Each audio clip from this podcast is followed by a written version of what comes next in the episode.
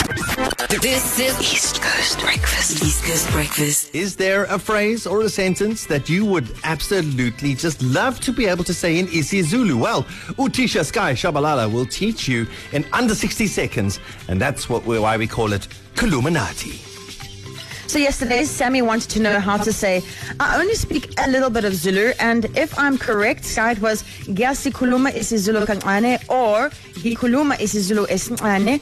And today, Sky Shubs, Laura wants to know, how do you say in Zulu, will you please help me? Mhm. I like it. Okay. Okay, okay. So this one um, has to do with tone as well. Okay. So oh. as always, I'm going to give you two different ways of saying it.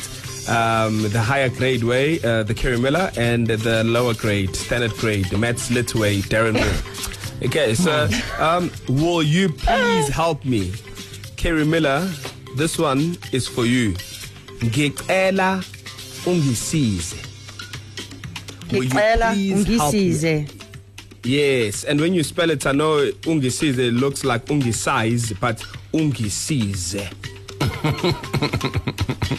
okay, so that's the first one. And then Darren Moore. This one is for you. And this one you have to be careful, Darren. You have to ask the question. Okay? Ask okay. the question. So you too. Ungangisiza. So,